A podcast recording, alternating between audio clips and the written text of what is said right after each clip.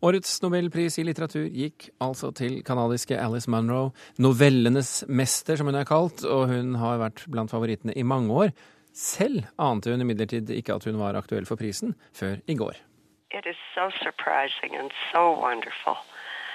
And uh, I, I had idea of it. I, I don't think I knew that I was even on a list or anything until maybe yesterday. And um, I'm, I, I'm dazed. I'm dazed, sa Alice Munro. Og hos det norske forlaget hennes, Gyldendal, var det som man kan tenke seg en god stemning i dag. Nei,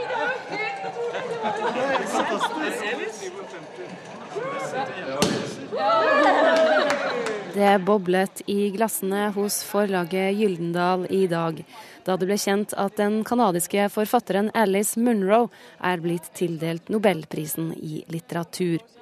Gyldendal, som gir ut bøkene hennes i Norge, mener prisen er fortjent, sier redaktør for norsk skjønnlitteratur Trude Rønnestad. Eh, hun er en forfatter som både når de veldig litterært kresne leserne, det er jo nobelprisen et eksempel på, men hun eh, er også en veldig berørende forfatter. Altså Hun skriver om folks liv på en helt uforlignelig måte, det må jeg si. Det er, eh, det er ekstremt bevegende noveller. Hun er helt sånn eksepsjonelt klok.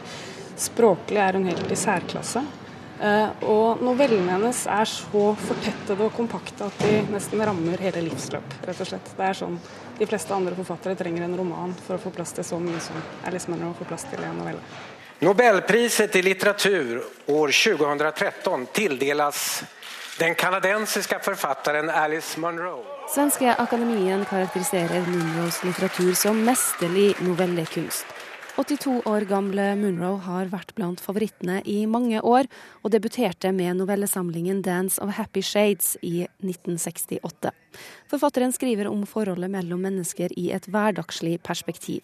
Kundene ved Tronsmo bokhandel i Oslo mener hun fortjener prisen. Ja, absolutt. Hun er jo en eh, favoritt blant mange. Jeg liker henne veldig godt sjøl òg, så det er eh, absolutt en verdig vinner. det altså. Hva syns du om at det ble Alice Munro som vant nobelprisen? Det syns jeg var på tide. Hun er jo over 80 og er en helt fantastisk eh, forfatter. Representerer Canada på en utmerket måte. Bra, har fått seg et glass, og så er det skåling og faktisk eh, ganske god stemning, selv om Fosse ikke fikk eh. Hos forlaget Samlaget var det også store forventninger i dag. Norske Jon Fosse var høyt oppe på bettingselskapenes lister over favoritter til å få nobelprisen i litteratur. Selv om det ikke ble Fosse denne gangen, valgte forlagssjef Håkon Kolmanskog å sprette champagnen likevel. Ja, vi kan ta den foran Fosse her nå. Og så feirer vi forfatterskapet til Jon Fosse, og vi er ganske sikre på at han en gang kommer til å få denne prisen.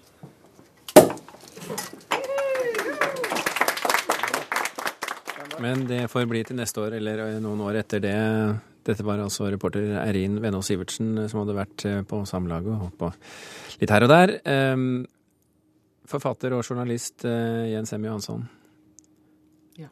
Er dette et godt valg? Ja, jeg er jo veldig begeistra for dette. Dette er mitt store litterære forbilde, så det syns jeg var gode nyheter.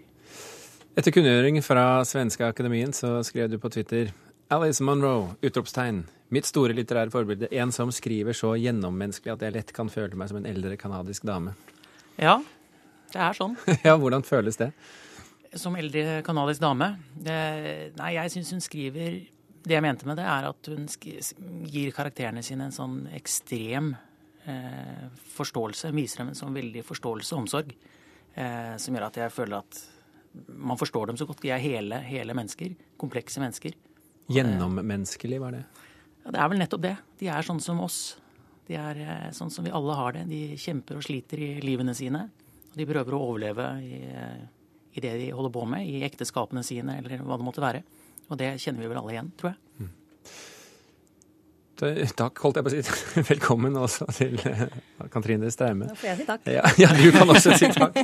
Eh, mange ganger har vi sittet i studio, Anne Katrine Straume, og spekulert i hvem som kommer til å vinne, og Alice Munro har kommet opp veldig mange av de gangene, men i år I år gikk prisen endelig til henne, og jeg tror ingen vil protestere på at prisen har gått til en ukjent forfatter eller en uverdig forfatter eller en forfatter som ikke har skrevet nok.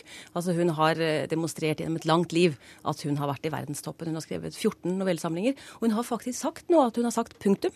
At hun ikke skal skrive mer. Så sånn sett så kan du si at det var en verdig avslutning å få nobelprisen. Eh, denne gangen så tok du med deg tre Alice Monroe-bøker hjemmefra da du gikk på jobb i morges? Ja, vi er jo en liten gjeng som blir stående sånn eh, klare til å hoppe inn og kommentere når eh, prisen offentliggjøres klokken ett. Eh, Alice Munro er en av de som jeg har fulgt i mange år, og som er en av mine favoritter. Og i går så tenkte jeg bare jeg tar det med. De skal jeg ha i hånden når jeg står der. Og det viser seg å være et godt trekk. Hva er det du har tatt med? Jeg har tatt med den siste boken som har kommet på norsk, som heter eh, Bare livet.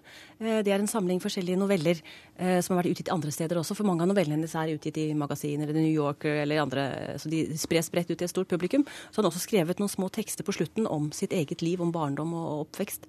Ehm, så har jeg tatt med én bok. Det er mest for tittelen, tenker jeg. Den kan si noe om hele hennes forfatterskap. Den lyder slik litt lang og omstendelig, da, men uvennskap, vennskap, forelskelse, forlovelse, ekteskap. Og Her kunne det også stått skilsmisse, men det gjør det altså ikke. Men hun skriver jo nettopp, som eh, Jens M. Johansson sa her, at eh, om hverdagslige ting og de tette mellommenneskelige forholdene, og hva det er som gjør at ting plutselig ikke fungerer. Ting kan få en helt annen vending i livet. Det kan enten være ytre omstendigheter, eller det kan være et valg du selv tar, som viser seg å være riktig, eller viser seg å være galt. Så på den måten så skriver hun frem en liten hendelse som får konsekvenser for et langt liv. Og, og som vi hørte også i denne reportasjen, det var vel uh, redaktøren hennes i Gyldendal som sa noe om at hun, hun, skriver ofte en novelle som nesten kunne vært en roman. altså Det er et helt liv som mm. beskrives. Er du overrasket over at uh, Jens M. Johansson har henne som uh, nærmest en slags muse? Nei, egentlig ikke. Eh, for... Og jeg tenker da på at han er mann, ikke sant? Ja, ja. Og det, da, tenkte, nå tenkte jeg på det rent litterære, ja, da, for jeg var ikke så opptatt av kvinner og menn. Men, men mann, jo, da kan jeg jo si at uh, hun er en forfatter som kan leses av både kvinner og menn. Altså, Jeg syns jo at det er uh, absolutt på tide at det var nok en kvinne, fordi det er bare Hun er den 13. av uh, 110 vel, nobelprisvinner i litteratur som er kvinne. Så, så, det er jo ikke mange. Men de siste årene har det faktisk vært, i løpet av de siste ti årene så har det vært fire faktisk kvinner. Så sånn sett så har jo komiteen eh, bedret seg. Men eh, jeg tenker at kvinne og mann, at det kanskje ikke er så viktig i denne sammenhengen. Selvfølgelig så, så kan jeg kanskje kjenne igjen enda mer enn, enn det en mann kan. Men, men, rent litterært så tenker jeg det at det har noe med det presise språket. At det er en, noen nyanser der, som, og disse små forholdene, tette, tette forholdene mellom mennesker, som jeg ser i, i bøkene til Jens M. Johansson, og som også Alice Munro har. Sånn sett så var det ikke overraskende. Det er ikke verst å bli sammenlignet med nobelprisvinner. Nei, Kan det ha noe med at hun henger i, over skrivepulten din? Det kan det ha. Jeg har jo printet ut et bilde av henne og hengt opp uh, som uh, minne om hvordan ting skal gjøres, yes. og ta ting på alvor. Men hvordan kom du egentlig uh, i, inn i hennes forfatterskap? Jeg tror det var en kamerat som anbefalte en mann. Mm.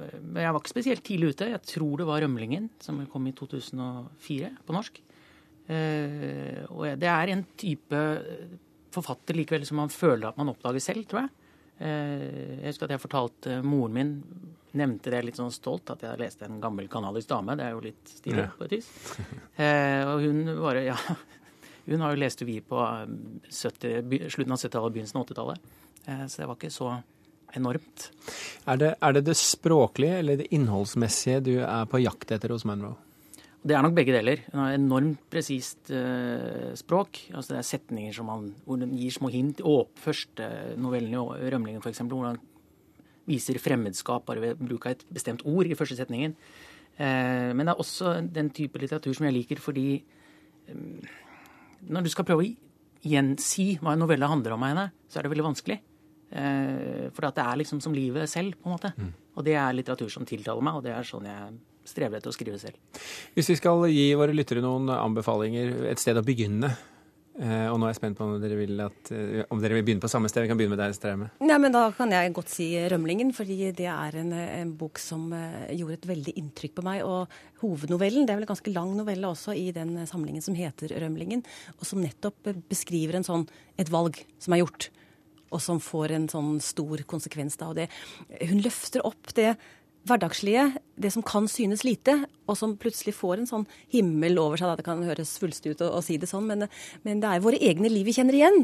Eh, og våre liv får også en dimensjon da, når vi leser hennes bøker. Er du enig, eller vil du ta, plukke frem noe annet? Ja, jeg er veldig enig, men man kan vel også si om henne at eh, det er også et av de forfatterskapene hvor det ikke er noe farlig å ta altså Man kan ta hvilken som helst. Ja. Hun har ikke skrevet noe som er dårlig. De fleste har jo det, men eh, hun har nok ikke det. Jeg kan, det er bare å kjøre på? Jeg bare velge. Men 'Rømlingen' var jo den første jeg leste, så det er den som kanskje ligger meg nærmest. Jens M. Hansson og Anne Katrine Straume, tusen hjertelig takk for at dere kom til Kulturnytt.